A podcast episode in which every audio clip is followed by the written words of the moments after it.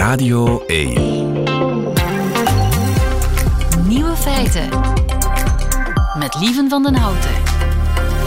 Dag en welkom bij de podcast van Nieuwe Feiten van 18 april 2023. In het nieuws vandaag dat we eindelijk weten wat King Charles gaat eten op de dag van zijn kroning op 6 mei. Want speciaal voor de gelegenheid heeft de koninklijke chef-kok een coronation quiche ontwikkeld. Met daarin de favoriete ingrediënten van zowel Charles als Camilla. De website van de koninklijke familie beschrijft het gerecht als een intense quiche met knapperige, lichte bladerdeegbodem en delicate smaken van spinazie, tuinbonen en verse dragon. Warm of koud even lekker, met groene salade erbij en uh, gekookte nieuwe patatjes. En wie er graag vlees bij lust, die kan kiezen voor een stukje reuzel. Mm. De koning rekent erop dat op Kroningsdag overal te landen big lunches worden gehouden met Coronation Quiche. Vandaar dat het recept op de site van Buckingham Palace staat. Ik denk dat ik ga meedoen. Misschien u ook. De andere nieuwe feiten vandaag. Wild gerucht op het internet Antwerpse handjes die zouden verwijzen naar afgehakte Congolese handen. Wat zit er achter dat gerucht? Vandaag wordt een dino-skelet geveild in Zwitserland voor wellicht 8 miljoen euro. En Juri Kortens, die leert ons vogels luisteren. Het is er de tijd van het jaar voor. De nieuwe feiten van Nico Dijkshoorn, die hoort u in zijn middagjournaal. Veel plezier. Nieuwe feiten. Juist, u heeft al een uh, Picasso aan de muur en een Bentley voor de deur. Dan uh, is dit misschien iets voor uw inkomhal om indruk te maken op uw uh, bezoekers. Een opgezette ijsbeer? Nee, dat is het niet, want dat is echt, echt passé. Het skelet van een dinosaurus. Koen Stijn, goedemiddag. Goedemiddag. Koen Stijn van het Museum voor, of van moet ik eigenlijk zeggen, Museum van Natuurwetenschappen in Brussel. Of wat is het, van of voor? Uh, dat stelt u mij een goede vraag. u werkt ervoor, Koen. Uh, in het Frans is het uh, des sciences naturelles, dus waarschijnlijk van. het Museum van, van Natuurwetenschappen in Brussel. Ja. Iemand zal ja. ons daarop wel corrigeren. Koen, vandaag wordt in Zurich het skelet geveild van een Tyrannosaurus rex. Bijna 4 meter hoog, bijna 12 meter lang. Gaan jullie bieden? Ik uh, denk dat het buiten onze budgetten voor 2023 valt, helaas. Uh, wat, is het, wat is de richtprijs ongeveer, de geschatte waarde? Ik denk dat ze tussen de 6 en de 9 miljoen dollar uh, of, of, zelfs euro uh, pogen te halen. Um, dat is natuurlijk niet weggelegd voor een uh, federale instelling. Um, ja, het zal, het zal helaas voor de rijken der aarde zijn om erop te bieden, vrees ik. Het is het, u werkt voor het Koninklijk Belgisch Instituut voor Natuurwetenschappen. Ja. Wordt mij intussen okay. in het oor gefluisterd. Dat is dan inmiddels uit de weg. Maar goed, uh, 9, 8, 9 miljoen euro, dat uh, is een beetje buiten. Maar stel dat jullie het budget hadden, zouden jullie hem willen? Ja, um, ik denk het wel. Het is wel uh, ik denk dat het wel een interessant uh, skelet is. Want um, in tegenstelling tot sommige andere vondsten die op veilingen worden aangeboden, um, weet ik wie. Ik, ik ken de verkoper en ik weet dat hij heel uh, meticuleus te werk gaat. Uh, het is natuurlijk een Zwitser, uh, er hangen heel wat vooroordelen aan vast. maar het is wel zo dat hij um, heel wetenschappelijk georiënteerd is en met zijn opgraving altijd heel nauwgezette um, notities maakt. En alles uh, goed documenteert van waar uh, komt het vandaan, in welke lagen is het precies opge opge opgegraven. En ook hier uh, bij, het, bij het skelet zelf zijn ze er heel eerlijk over dat het geen compleet authentiek skelet is, maar eerder een samenstelling van drie verschillende individuen. Ah, ja. um, het is een die dan ook nog eens, ah, ja, inderdaad, het is echt wel een, een puzzel van uh, drie verschillende uh, individuele tyrannosauriërs. Ja, en dat, dat maakt hem toch een klein beetje minder interessant, toch? Ja, ja, natuurlijk. Want um, de, de vorige min of meer complete uh, Tyrannosaurier, die, Tyrannosaurus rex liever, die verkocht is op een veiling, die heeft uh, toch wel 30 miljoen euro opgebracht. Hè? Dus dat is wel een, uh, een flink pak meer dan, het, dan de waarde die ze Vandaar hier... dat het een koopje is vandaag in Het is inderdaad een koopje. Ja. Hè? Het is... uh, een, een, van de witte producten zegt. het is een, een, dino van de witte producten. En waar is hij opgegraven? Enfin, waar zijn ze opgegraven? De, de, de drie on, ja, oorspronkelijk. Ja, de, dus um, ze zijn opgegraven. Tyrannosaurus rex is sowieso endemisch voor Noord-Amerika. Uh, en deze individuen specifiek zijn opgegraven in Wyoming en Montana. Ja. Dus het noorden van de Verenigde Staten. En je vindt die alleen daar? Ja, je vindt ze alleen daar. Ja. Dus geen enkele kans om in België bijvoorbeeld een uh, Tyrannosaurus rex uit de grond te halen. En daar in Bernissar, wat hebben we daar dan gevonden? In Bernissar hebben we een heel andere dino gevonden, die ook uh, een flink stuk ouder is dan uh, Tyrannosaurus rex. Daar hebben we de iguanodons uit de grond de iguanodons. gehaald. En die, en die staan bij jullie, hè? Het Museum die voor staan bij ons, in het Museum voor Natuurwetenschappen. Ja. En ehm, kun je, kan iedereen in Amerika een T-Rex opgraven en verkopen? In principe wel, ja. Um, je moet natuurlijk wel rekening houden met de wetgeving. En um, de wetgeving zegt alles wat op uh, privaat land, hè, dus als je eigen bezit, dat land is jouw eigendom, jouw bezit, geregistreerd, um, dan mag jij daar opgravingen doen en bijhouden wat je uit de grond haalt. dus de, de rechten van, van de vondsten die zijn voor jou. En als je dan een overeenkomst hebt met bijvoorbeeld een, uh, een rancher, een, een uh, iemand die daar uh, koeien op zijn land zet, maar je weet dat op dat stuk grond dat daar bepaalde aardlagen aan het oppervlak tevoorschijn komen waarin mogelijk dino's zitten, kan je een overeenkomst sluiten met die persoon. En pachten, een deel pachten en, en wat je eruit haalt, mag je dan zelf bijhouden. En dat, dat is een beroep, dat zijn, er zijn mensen die dat zoeken. Je hebt goudzoekers, maar je hebt ook uh, dino's-zoekers. Dat bestaat. Absoluut, absoluut, absoluut. En, eh, en, en dat, wordt natuurlijk, dat is een beetje een, een, een fijne lijn, want van het moment dat je daar natuurlijk uh, een, een financieel belang aan hecht, dan, dan wordt het wetenschappelijke soms wat minder belangrijk.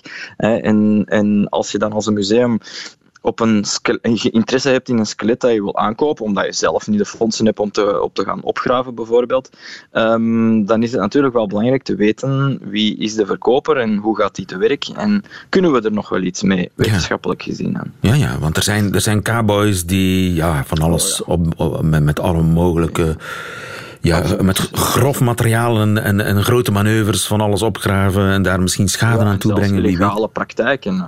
Uh, die die stro stropen van fossielen, als ik het zo mag zeggen. Stropen van ehm, fossielen, hoe gaat dat dan? Als, als je het eigenlijk gewoon mag opgraven? Ja, op uh, stukken waar die geen privé-eigendom zijn bijvoorbeeld. Hè. Dat ah, zij op uh, staatsland gaan opgraven en uh, zonder de juiste toelatingen. Um, en daar staan strenge straffen op, soms zelfs gevangenisstraffen. Ja. Um, ook in andere landen waar, waar de wetgeving minder flexibel is dan, dan in de VS. Uh, Canada bijvoorbeeld, of uh, in Zuid-Amerika verschillende landen, China, Noord-Afrika uh, verschillende landen. Ja, daar moet je dan wel oppassen dat je daar niet mee gepakt wordt natuurlijk. Ja, dus in die landen, China, Marokko, Canada, daar mag je niet zomaar, ook al is het je eigen grond, fossielen opgraven en, en verkopen. Dat kan daar niet zomaar. Ja, daar staat, veel, daar staat een veel betere bescherming voor die natuurhistorische ja, erfgoedstukken eigenlijk. En goed, 8, um, 9 miljoen voor een bijeengepuzzeld skelet. Uh, wat kost dan bijvoorbeeld een stuk teen? Ja, um, dat kan dan eens uit. Een ruggenwerveltje? Uh, ja, uh, een, een, uh, ja een, een Tyrannosaurus rex-wervel is al een, uh, een flink stuk. dan mag je toch al 30, 40 centimeter, misschien zelfs meer rekenen. nee, 40 centimeter zal het wel zijn. Um, daar ga je wel letterlijke duizenden euro's voor neerstellen. Ja. En een, een, een tand, afhankelijk van de grootte. De tanden zijn natuurlijk het populairst op de markt. Omdat ze op, op de ehm, salontafel passen. Om op de, ja, of op, in de vitrinekast, op de schouw, de sierschouw. Ja, ja, ja. Um, en die hebben ook wel een, een beetje een, uh, een, ja, dat is een beetje vraag en aanbod. T-Rex is heel populair. Um, sinds de verkoop van, van Stan voor 30 miljoen euro zijn de prijzen van zelfs onderdelen van T-Rex de pan uitgeswingd. Ja, en dat is natuurlijk iets waar jullie als museum met de ledenogen naar kijken, want dat, dat, dat zorgt ervoor dat als er iets interessant is, dat jullie het niet kunnen betalen. Nee, inderdaad. Ja. Um, reden te meer om het uh, zelf te gaan opgraven natuurlijk. Hè, want dan weet je um, waar dat je aan begint, uh, hoe ze uit de grond zijn gehaald, welke en dat stukken doen jullie ook. echt welke stukken. En dat doen we ook, uh, want we zijn met een campagne bezig in dan wel veel oudere lagen dan, dan waar T-Rex werd teruggevonden. Uh, maar zeker heel interessant. Van, van Jura-dino's, dus 150 miljoen jaar oude lagen.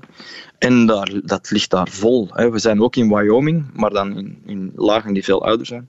En uh, ja, er ligt het ene skelet quasi naast het andere. Hè. Het is een, een, vraag van ze nu eruit te gaan halen en, en ook nog een beetje extra financiering te vinden natuurlijk, om ze nog verder uh, op te, uit, uit het gesteente halen op te bouwen. Oké, okay. dus het museum in Brussel gaat naar Wyoming om daar diep in de aarde uh, fossielen te zoeken? Dat klopt, ja. Oké. En want ja, dat, dat, dat is nou ja, graven kan iedereen natuurlijk, maar precies gaan uh, ja, zoeken en gaan inchecken van daar valt iets te vinden. Daar heb je toch wel uh, apparatuur en kennis voor nodig. Vooral de, vooral de kennis, uh, misschien ook wel connecties. Um, de kennis welke aardlagen moet ik precies gaan zoeken. Nu, meestal is dat wel geweten in welke aardlagen. En dan de connecties om met de, de, de mensen die het land bezitten uh, een afspraak te kunnen maken om, uh, om daar te mogen opgraven. Ja. ja. en dan alles wat je opgraaft ook terug naar België te krijgen. dat is ook al een, een, een hele onderneming. Ja, dure zaak ook. En, papieren winkel en zo.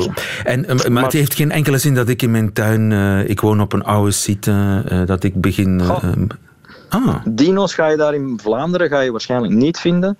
Um, maar ja, misschien ga je wel iets anders interessant vinden. Uh, mammoet of zo. Uh, we hebben hier, uh, in, op, zeker in, in het Vlaamse gedeelte van het land, hebben we zeker heel wat mammoeten rondgelopen. En andere ijstijd zoogdieren.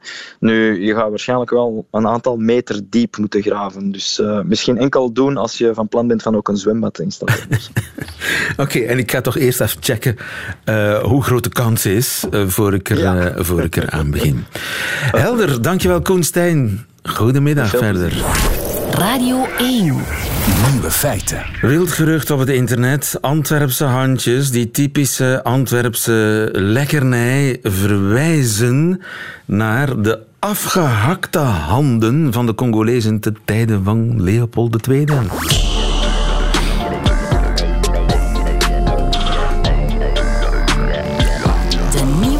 Feitenchecker. Rien Emery, goedemiddag. Goedemiddag. Je hebt ze helaas niet meegebracht. Ik heb er geen mee om te proeven, nee. nee. Waarvoor geen dank. Maar, waar komt dit verhaal nu vandaan, Rien? Wel, het is niet uh, nieuw. Het is al jaren dat dat circuleert op sociale media. Maar dus enkele dagen geleden opnieuw uh, virale tweet van Africa Archives. Nou, Africa Archives beweerde, ja, die handjes, de Antwerpse handjes, die verwijzen eigenlijk naar die praktijk onder Congo-Vrijstaat Leopold II om de handen af te hakken van inwoners van Congo die niet hun rubberquota haalden bij de uitbuiting van eh, de bevolking daar in de koloniale En voor alle duidelijkheid, dat is wel waar. Dat is allemaal gebeurd. Maar natuurlijk, ik denk dat iedereen in, in Vlaanderen wel weet dat Antwerpse handjes verwijzen naar Brabo en de reus Antigoon. Ik denk ook aan het standbeeld op, uh, voor het stadhuis, zeker. Ik ben, ben, ik ben, je bent nog nooit in Antwerpen geweest, natuurlijk. je bent altijd maar bezig voor ons. Nee, inderdaad, Sus Antigoon. Voilà. Um, wel nee, niet Sus Antigoon, die zit... Oh, zeg ik? oh my god. De reus Antigoon. De uh, reus Antigoon, inderdaad. Voilà, dus een legende natuurlijk daar. Um, dus die Antwerpse handjes staan al ja, sinds de middeleeuwen in het stadswapen van Antwerpen. Allee, dat is een eeuwenoud symbool voor Antwerpen. Heeft niets te maken met, met Congo. Maar dat verscheen dus wel op, uh, op, op, op Twitter en dat was heel viraal en heel veel mensen uh, ja, winden zich daarover op. Maar Africa Archive, Africa Archive ja. dat klinkt zo betrouwbaar. Het klinkt heel betrouwbaar. Uh, en, maar Wie zit daarachter? Het bleek gewoon één kerel te zijn uit Kenia. En hij heet Walter, Walter Guido, is zijn naam. En hij heeft dat profiel opgestart en hij wil de geschiedenis van Afrika belichten en hij wil allerlei ja, feiten die mensen niet weten bovenhalen, maar dus zijn feiten zijn niet altijd helemaal juist. En is hij een, een, lone wolf, zeg maar? Uh, misschien is dat een te sterke uitdrukking. Is, is hij iemand, ja, toevallig, met wat, wat overspannen ideeën? Of zit daar nog meer achter? Het is een beetje moeilijk in te schatten. Um, hij is alleszins alleen de enige persoon achter dat profiel, dat ook niet zo heel veel post. Dus enkel ook op Twitter dat bestaat. Of al zijn er ook wel filmpjes op Instagram, sinds kort. Um, maar is geen, er zit geen netwerk achter of zo. Het is ook gewoon content, online content, die het goed doet. Ophefmakende, en als het dan gelogen is, dan doet het er niet toe, maar van die ophefmakende content, van die gruwelijke dingen, die doen het wel goed. Er wordt vaak gedeeld. Mensen zijn bereid om alles te geloven wat in hun Voilà. past. Dus het kan voor een stukje clickbait zijn. Maar het kadert ook wel in een bepaalde trend waarbij heel veel online media die ehm, bestoft zijn door, Amerika door Afrikanen ja, en een soort pan-Afrikaanse idee willen uitdragen, opgedoken zijn de voorbije jaren. En dan zijn er altijd wel een aantal linken die, zoals zo vaak, leiden naar Rusland. Ehm, je hebt een, een nieuw medium ook, dat heet African Stream wil ook, ja, zogezegd, de geschiedenis van Afrika belichten, maar men belicht altijd ja, de meest eh, gruwelijke pagina's van de koloniale Europese geschiedenis. Eh, alles dat te maken heeft met Leopold II, eh, en vaak Belgische geschiedenis. Alles te maken met Leopold II, ehm, Ja, Patrice wij- Lumumba, de moord op Lumumba, het lot van de Métis-kinderen die dan ontvoerd zijn naar België na de decolonisatie enzovoort. Allemaal dingen die dan echt wel gebeurd zijn, maar die steeds opnieuw belicht worden. Ook, en ook uit de geschiedenis van, koloniale geschiedenis van andere Europese landen. Dus, en dat is een Russische organisatie. Wel, vaak is het moeilijk, moeilijk te achterhalen, maar er zijn wel altijd banden te zien. Bijvoorbeeld, African Stream, waar ik over sprak, is opgericht door Ahmed Caballo en die werkte al, en dat is dan niet Rusland, maar eh, die werkte jarenlang voor Press TV. En Press TV is een Iraans propagandamedium, dus een internationaal Engelstalige Iraanse televisiezender. Ehm, en ja, die heeft ja, jarenlang altijd al een anti-westerse content gebracht en heeft nu dus een nieuwe, nieuwe Afrikaans mediabedrijf opgericht. Dus die Africa Archives, Afri- African Stream, ehm, African Hub, eh, die African Exponent, zijn allemaal nieuwe media die opgedoken zijn en die telkens altijd een zeer duidelijk pro-Russische inslag hebben, een anti-Westerse inslag hebben. En het is natuurlijk wel zo dat ehm, sinds in Europa Russia Today, Sputnik en andere Ru- Russische staatsmedia verboden zijn, sinds de inval in Oekraïne, we kunnen die niet meer raadplegen. Wij. Een, Twitter-account, als je daar naartoe surft vanuit België, kan je die niet meer zien. Dus die zijn vaak beginnen zich relocaliseren naar Afrika. Daar een nieuw hoofdkwartier opgericht, daar nieuwe bedrijven opgericht. En die doen dan partnerschappen met de lokale media ook wel. Dus lokaal, ik geloof dat Russia Today met ongeveer twaalf ehm, lokale televisiestations in verschillende Afrikaanse landen partnerschappen heeft afgesloten. En dan helpen ze hen aan content. En die content is altijd pro-Putin, anti-Amerika, anti-Westers. Ehm, en daar blijkt ook wel in de het stemgedrag van Afrikaanse landen in de Verenigde Naties dat er niet zozeer op één lijn wordt gezeten met wat Dus wij vinden over Is Oekraïne. een anti-Europa-propagandaoorlog aan de gang in Afrika? Ja, dat klopt. Eh, en ja, Die wordt ook via de sociale media, zij niet altijd via even. Ja. even helder, maar En, en de koloniale geschiedenis wordt daar constant, onze koloniale geschiedenis, een zwarte pagina uit onze geschiedenis, wordt daar altijd in uitgespeeld. Ja. Heel opvallend. Ja, ja, ja, ja goed. Ja. Die, die wel waar is natuurlijk. Die wel waar is, maar soms gaat het dus overboord als het zoals het over de Af- Antwerpse handjes, eh, ging, dan eh, Dan gaat het inderdaad overboord. overboord. Overigens, nu ik je hier toch heb, Mhm. heb je de nieuwe single van Drake al gehoord die hij samen met The Weeknd heeft gemaakt? I came in with my ex like or the flex. Ay. Bumping Justin Bieber, the fever ain't left. Ay. She know what she need or her need or she blessed. Ay. Giving me my best. Ay. Yeah. Got my heart on my sleeve with a knife Want een andere wild gerucht is dat dit niet Drake is. Wel, dat klopt. Het is niet Drake. En het is ook niet The Weeknd. Ehm, het is iemand die ja, beweert, we moeten hem erbij zeggen beweert, een volledig artificieel intelligentienummer te hebben gemaakt. Dit is The Weeknd, hè? Dit is- Dit is nog altijd Drake die het chorus zingt. Straks komt hij nog over The Weeknd, maar het is eh, lang, ik denk dat 2,5 minuut duurt, het liedje. Dus, eh, De wereld is van The dit, Weeknd. is, dit En is The Weeknd. Oh. Ja. Je bent een fan. Ik ben een fan van dit nummer. Zelfs al is het niet van Drake en The Weeknd. Van wie is het wel? Ja, dus het is eh, een TikTok-account. Een aantal dagen geleden heeft dit heeft zo'n paar teasers uit dat nummer online gezet. En eh, het is iemand die een eh, wit laken over zijn hoofd had, ge- had gedaan en een zonnebril had opgezet. En zijn naam is Ghostwriter977. En hij zegt dus niet wie hij is. Ehm, hij zegt wel van, ik ben een ghostwriter geweest, dus iemand die liedjes schreef voor artiesten, zonder dat ik er credits voor kreeg. En ik ben altijd slecht behandeld geweest in de muziekindustrie. Ik heb te weinig betaald gekregen, te weinig krediet gekregen. En daarom zegt hij van, ik heb daarom dus dit nummer gemaakt met AI. We hebben een aantal weken geleden al gezien dat je liedjes van Kanye kon namaken en zo. Natuurlijk, de vraag is in hoeverre is dat niet gewoon een zeer skillful uh, producer die een goede beat gemaakt heeft en een ding... Dus we kunnen niet zeggen of dit wel degelijk AI is? Het, het AI-aspect is het nabootsen van de stem van Drake en The Weeknd, die wel goed nagebootst zijn. The Weeknd zingt net iets te hoog, vind ik pas. Wat, dat doet er niet toe. Um, dat zal wel AI zijn, maar je moet natuurlijk de lyrics schrijven, je moet een beat maken, je moet dit en dat. Je maar jij als kenner, jij, jij vindt dit goed? Ik vind het, ik vind het een goed nummer. Dus- en ben niet alleen. Het, is, het heeft miljoenen streams al verzameld en mensen noemen het al de zomerhit van dit jaar.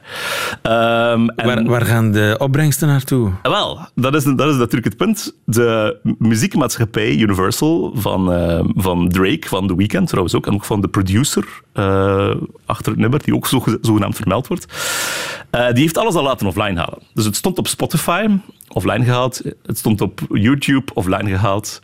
Um, ja. Maar je kan het nog... Het is te laat, hè? Ja, wel, het is zo... Men, men er is een soort, men noemt het een beetje een nieuw Napster-moment, waarbij dat je vroeger de mp3'tjes kon eh, illegaal downloaden. Men zegt van, we staan aan het begin van een AI-muziekrevolutie. Mensen gaan constant AI-muziek in de naam van een bepaalde artiest beginnen uploaden, dat soms een goed nummer is. Mensen zijn echt fan van dit nummer. Uh, en ja, de, de, muziekmaatschappijen gaan daar achteraan hollen. Gaan een soort whack-a-mole moeten doen en ja. telkens opnieuw... Want ja, de opbrengsten die dat nummer voorlopig al gemaakt heeft, gaan naar die ghostwriter. Gaan naar die ghostwriter. wie is hij? Dat is natuurlijk de vraag. Sommige mensen denken van het is een stunt om een bepaald website te promoten. Ah. Sommige mensen zeggen van oh nee, Drake zit er eigenlijk zelf achter. Het zal nog wel duidelijk worden wie of wat het is. Ik hoop dat jij daar snel klaar ja, in brengt. Tot de volgende keer.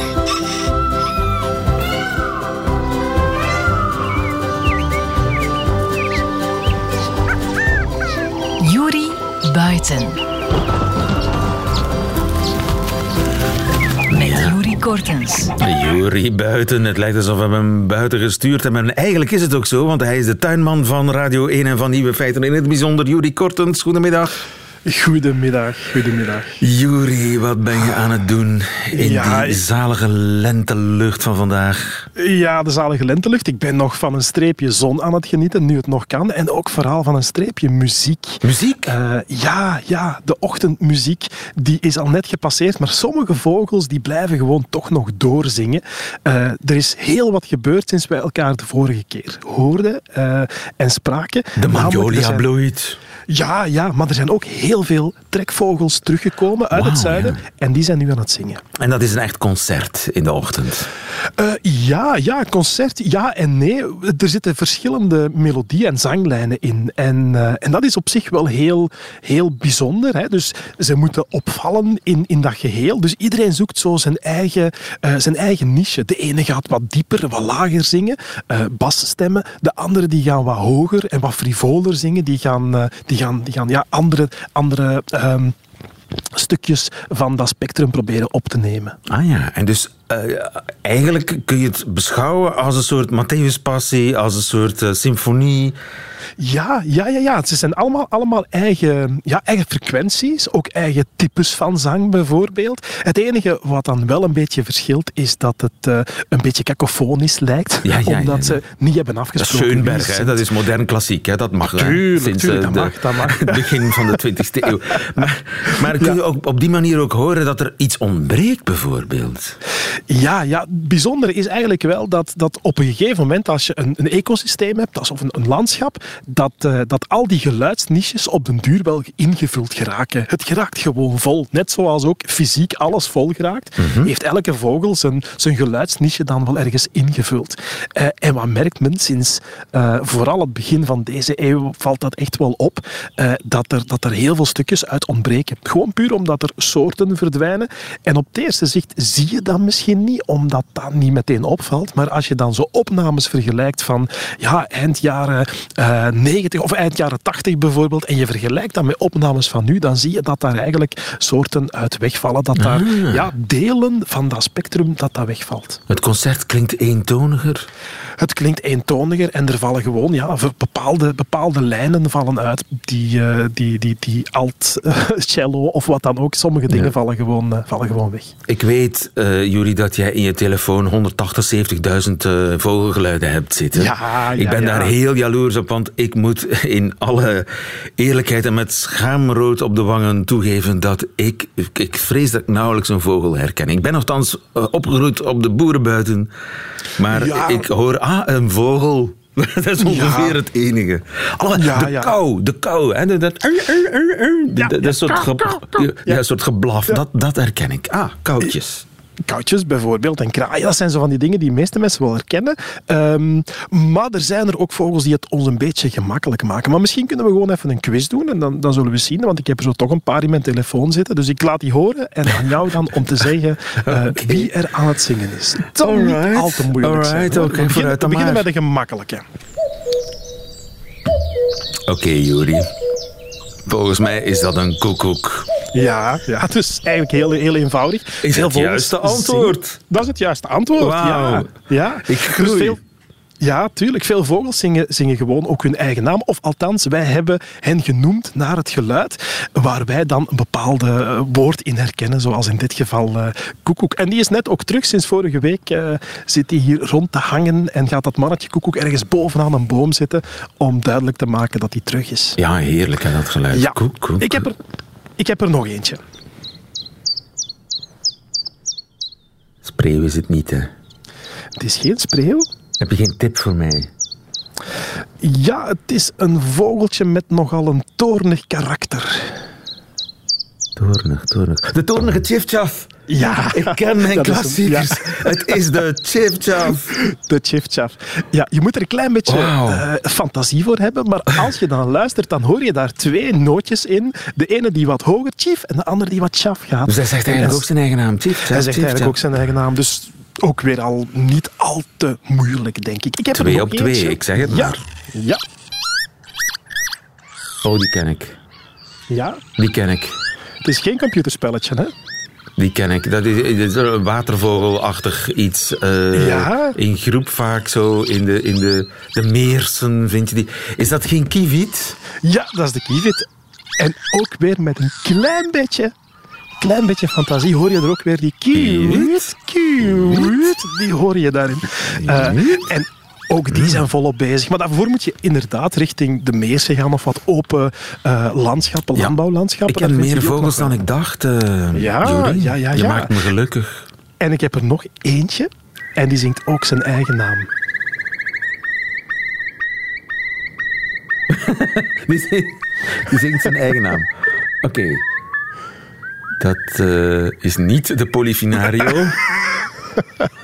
ik heb geen flauw idee. Eh, hij zingt zijn eigen naam, maar dan wel in het Frans. Courli. En Courli is de wulp. Dus eh, het is niet in alle talen dat, eh, dat we dat volgen, dat systeem van de vogels naar hun geluid te noemen. Hè. Maar dit is de wulp. En ook eentje die de voorbije dagen oh, prachtig aan het zingen is. Op heidegebieden en hier en daar ook nog in, eh, in landbouwgebieden. De wulp. De maar zingt, hij, eh, zingt zijn naam in zijn... Hij verbeeldt zich heel wat, want hij is Franstalig. Ja, ja, ja. En zingt zijn naam in het Frans. Drie op vier, uh, Jury. Dat is niet kon, slecht, hè? Het kon slechter. Zij, en, Ja. en die... die eh, geluiden, is dat eigenlijk... Ja, die- mensen zeggen, elke vogel zingt zoals hij gebekt is. Mhm. Is dat eigenlijk gewoon fysiek... De, de, ja, hoe die, die, eh, die anatomie van dat keeltje en die bek, is dat de, de reden waarom een vogel zingt zoals hij zingt? Ja, min of meer. Hè. Dus dat, dat is de eerste beperking die je daarop hebt. Hè. Je, je, je hebt niet, geen stembanden zoals dat bij mensen is. Er is een soort van syrinx, heet dat. Dat is het de stembandensysteem van vogels. Eh, en wat bijzonder is, dat is, dat is tweeledig. Dus dat zit aan het einde van de luchtpijp, waar dat die opsplitst naar de longen. Daar zit dat. En dat wil dus zeggen dat die vogels daar eh, langs de twee kanten een ander liedje kunnen zingen. En dat is heel bijzonder. Vogels kunnen eigenlijk gewoon hun eigen symfonie zingen, twee noten tegelijkertijd. Totaal anders. Eh, en ja, wij, wij kunnen dat heel moeilijk herkennen in zo'n zang, want die zijn vaak heel ingewikkeld. En is, dat is er een vogel die daar heel erg in gespecialiseerd is? Eh, de nachtegaal kan dat bijvoorbeeld heel goed. Hè. Die, dat is een, een hele goede zanger. Eh, maar, maar, maar bijvoorbeeld ook de, de... Ah, daar heb je hem. Ja. Dat is alles door elkaar, hè? Dat is een, een Ja. eenpersoonsconcert eigenlijk. Dat is, dat is echt een eenpersoonsconcert. Dus je, je hoort eigenlijk dat, dat elke noot op zich, dat dat eigenlijk een, een, dat dat geen noot is, dat dat twee tonen tegen elkaar of, of door elkaar zijn. En dat is, dat is toch wel heel bijzonder. Dat is wat wij mensen natuurlijk eh, niet kunnen. Dus dat is één ding. Eh, je moet het kunnen. Eh, en sommige van die delen van de zang zijn aangeleerd. Bijvoorbeeld bij de koekoek. Want ja, die, die, die wordt grootgebracht door, door pleegouders. Dus als die dan eh eh, karakiets zou gaan zingen, dat, dan klopt dat niet. Dus dat is een soort van aangeleerd gedeelte van de zang. Maar er is ook ah, een, een soort van aangeboren, sorry. En dan heb je ook een aangeleerd gedeelte dat ze gewoon van hun ouders of van, eh, van dieren in de omgeving gaan Dat ze dan echt imiteren. Ja, dat ze echt gaan imiteren. Er zijn zo van die experimenten waarbij men sijsjes laat opgroeien bij kanaries. Het is familie van elkaar. Eh, En dan hoor je dat die sijsjes kanaries gaan zingen in plaats van hun typische sijsjesgeluid. Dat is een tortel, hè? Die herken ik ook. Ja, ja, ja. Maar dat is zo een, een diep, sonor, eh, eigenlijk Ja. zo bijna, bijna een brom die, die heel rustgevend is. Wel, dat is ook superbelangrijk, want je kan natuurlijk gaan proberen uit te pakken met allemaal tremelo's, zoals een winterkoninkje of een nachtegaal dat doet. Eh, maar als iedereen dat doet, dan val je niet meer op. Dus ze gaan eigenlijk een ander type van geluid gaan unique selling proposition. Ja, eigenlijk. ja, de USP, dat moet je hebben als, eh, als vogel. En dat kan bij een tortel. Er bestaat zo een vogel. Ik ga hem even imiteren. Die is nu ook aan het roepen in de rietvelden. Die klinkt ongeveer als volgt, lieven.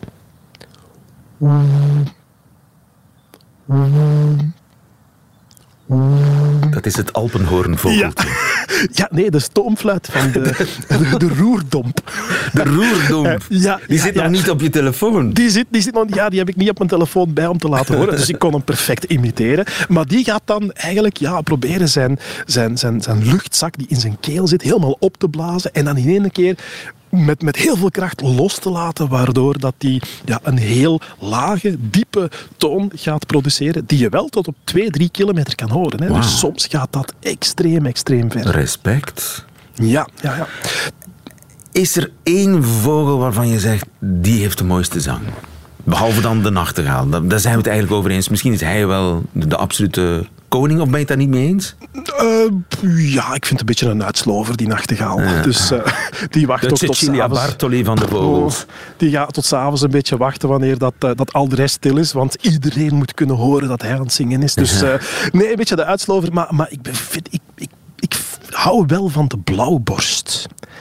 En, en ik ben daarin niet de enige. Dat is een mooi geluidje op zich al. Nu, een blauwborst heeft, eh, heeft veel van dat aangeleerde gedeelte. Die kan heel veel variëren in zijn zang. Dus dat is, dat is op zich al tof. En in 2002 hebben wij als België de blauwborst gestuurd naar het Eurovisie Songfestival voor vogels. Echt waar. Ja, echt waar. Dat was toen Sergio ook eh, voor, voor, voor, eh, voor de mensen ging. Maar de Blauwborst heeft het net iets beter gedaan. Die is op de tweede plaats geëindigd. Dus ik ben niet alleen als ik zeg van ik vind die Blauwborst echt wel, wel een heel mooie zanger. En het lag niet aan zijn verenkleed of aan het verenkleed van Sergio. Het lag aan de zang. Het lag aan de zangkwaliteiten van de Blauwborst. Laat het ons daar vooral, eh, vooral dan bij houden. Ja. En eh, kan ik zo geen app downloaden waarmee ik kan eh, herkennen... Ah, ik hoor een vogel. Een soort Shazam voor vogels. Bestaat Ja, dat? dat bestaat. Dat bestaat. Alhoewel, ja, er zijn, er zijn zo wat verschillende dingetjes. De beste op dit moment die ik zo wel eens af en toe durf gebruiken, die heet BirdNet. Gewoon heel simpel, een app BirdNet. Eh, het, het enige nadeel is dat je een redelijk goede opname moet hebben. Dus als je, als je een concert hebt in de ochtend waar alles door elkaar zit Ja, en soms slaat wat ver die weg, tilt. ja, dan slaat die tilt. Maar heb je bijvoorbeeld in je tuin een vogel die daar aan het zingen is en, en redelijk alleen en je kan dat geïsoleerd opnemen, eh, dan gaat hij dat eigenlijk heel accuraat kunnen weergeven. En hij gaat ook nog zeggen van ik ben er redelijk zeker van of ik sla er maar een slag naar. Eh, dus ook op die manier kan je daar een klein beetje Ja. eh, rekening mee Had ik hem maar al gedownload, dan had ik die, die wulp wel herkend. Hè? Gaat hij sowieso herkennen, klopt. Juri Kortens, dankjewel. En nog veel eh, luistergenot daar eh, in de weiden in de buurt van je woonplaats. Dankjewel. Tot volgende week. Radio 1. Nieuwe feiten. En dat waren ze weer, de nieuwe feiten van 18 april 2023. Alleen nog die van Nico Dijkshoorn, die krijgt u nu in zijn middagjournaal. Nieuwe feiten. Middagjournaal.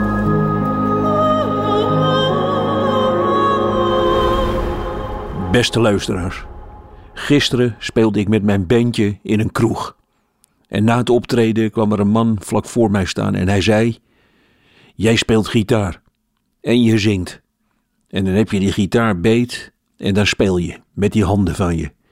En dan gaat het geluid naar die versterker die daar staat, dat is dat ding daar. Ik wijs er nu naar. En dat is dus je versterker. Maar dat doe jij. Gitaar spelen, zingen en wij dan luisteren en daarna gaan we weer allemaal naar huis. Ik zou toen graag hebben gezegd: nee, u vergeet iets. Daarna komt er iemand vlak voor mij staan en die gaat mij uitleggen wat ik net heb staan doen, maar dat durfde ik niet. Luisteraars, het is geen nieuw fenomeen. In het televisieprogramma De Wereld Draait Door las ik een gedicht voor dat ik tijdens de uitzending had geschreven. En minimaal één keer per week vertelden mensen mij midden op straat in Leiden wat ik nou precies deed. Ze gingen voor me staan en ze zeiden: Je zit daar aan een tafeltje en je schrijft. Op papier. Met een pennetje. En daarna lees je het voor met die stem van je. En daarna hoefde ik alleen maar ja te zeggen. En dat was mijn functie in het gesprek. En nu zit ik eraan te denken om dit zelf ook eens een keer te gaan doen. Ik begin bij een frietkraam voor de toonbank gaan staan en dan zeggen: Jij bakt aardappel. Niet hele aardappels. Nee, je snijdt ze in lange reepjes en daarna bak je ze in frituurvet. Je schudt soms aan de frituurmand. Daarna doe je de friet in een zak en die pakt de klant dan aan. En dat doe jij. Dag in dag uit. Tot je sterft. Hopla, zo met je kop voorover in de frituur. Maar dat is van later zorg. Voorlopig frituur je aardappels. Nou, veel plezier hè. Ik zou het ook graag eens een keer doen bij de presentator van dit programma, Lieven van der Houten. Naast hem gaan staan en dan zeggen: Jij presenteert nieuwe feiten.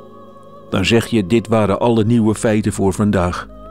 En dan zeggen de mensen thuis: Nou, de radio die kan uit hoor. We weten weer wat de nieuwe feiten zijn.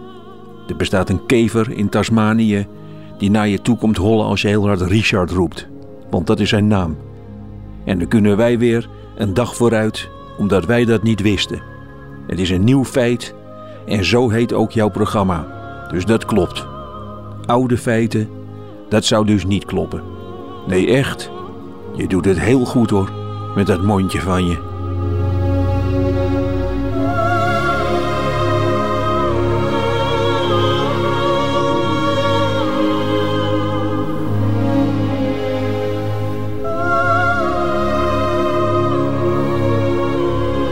Middagjournaal met Nico Dijkshoorn. Einde van deze podcast. Hoort u liever de volledige nieuwe feiten met de muziek erbij? Dat kan natuurlijk elke werkdag live op de radio tussen 12 en 1 of on demand via de Radio 1 website of app. Tot een volgende keer.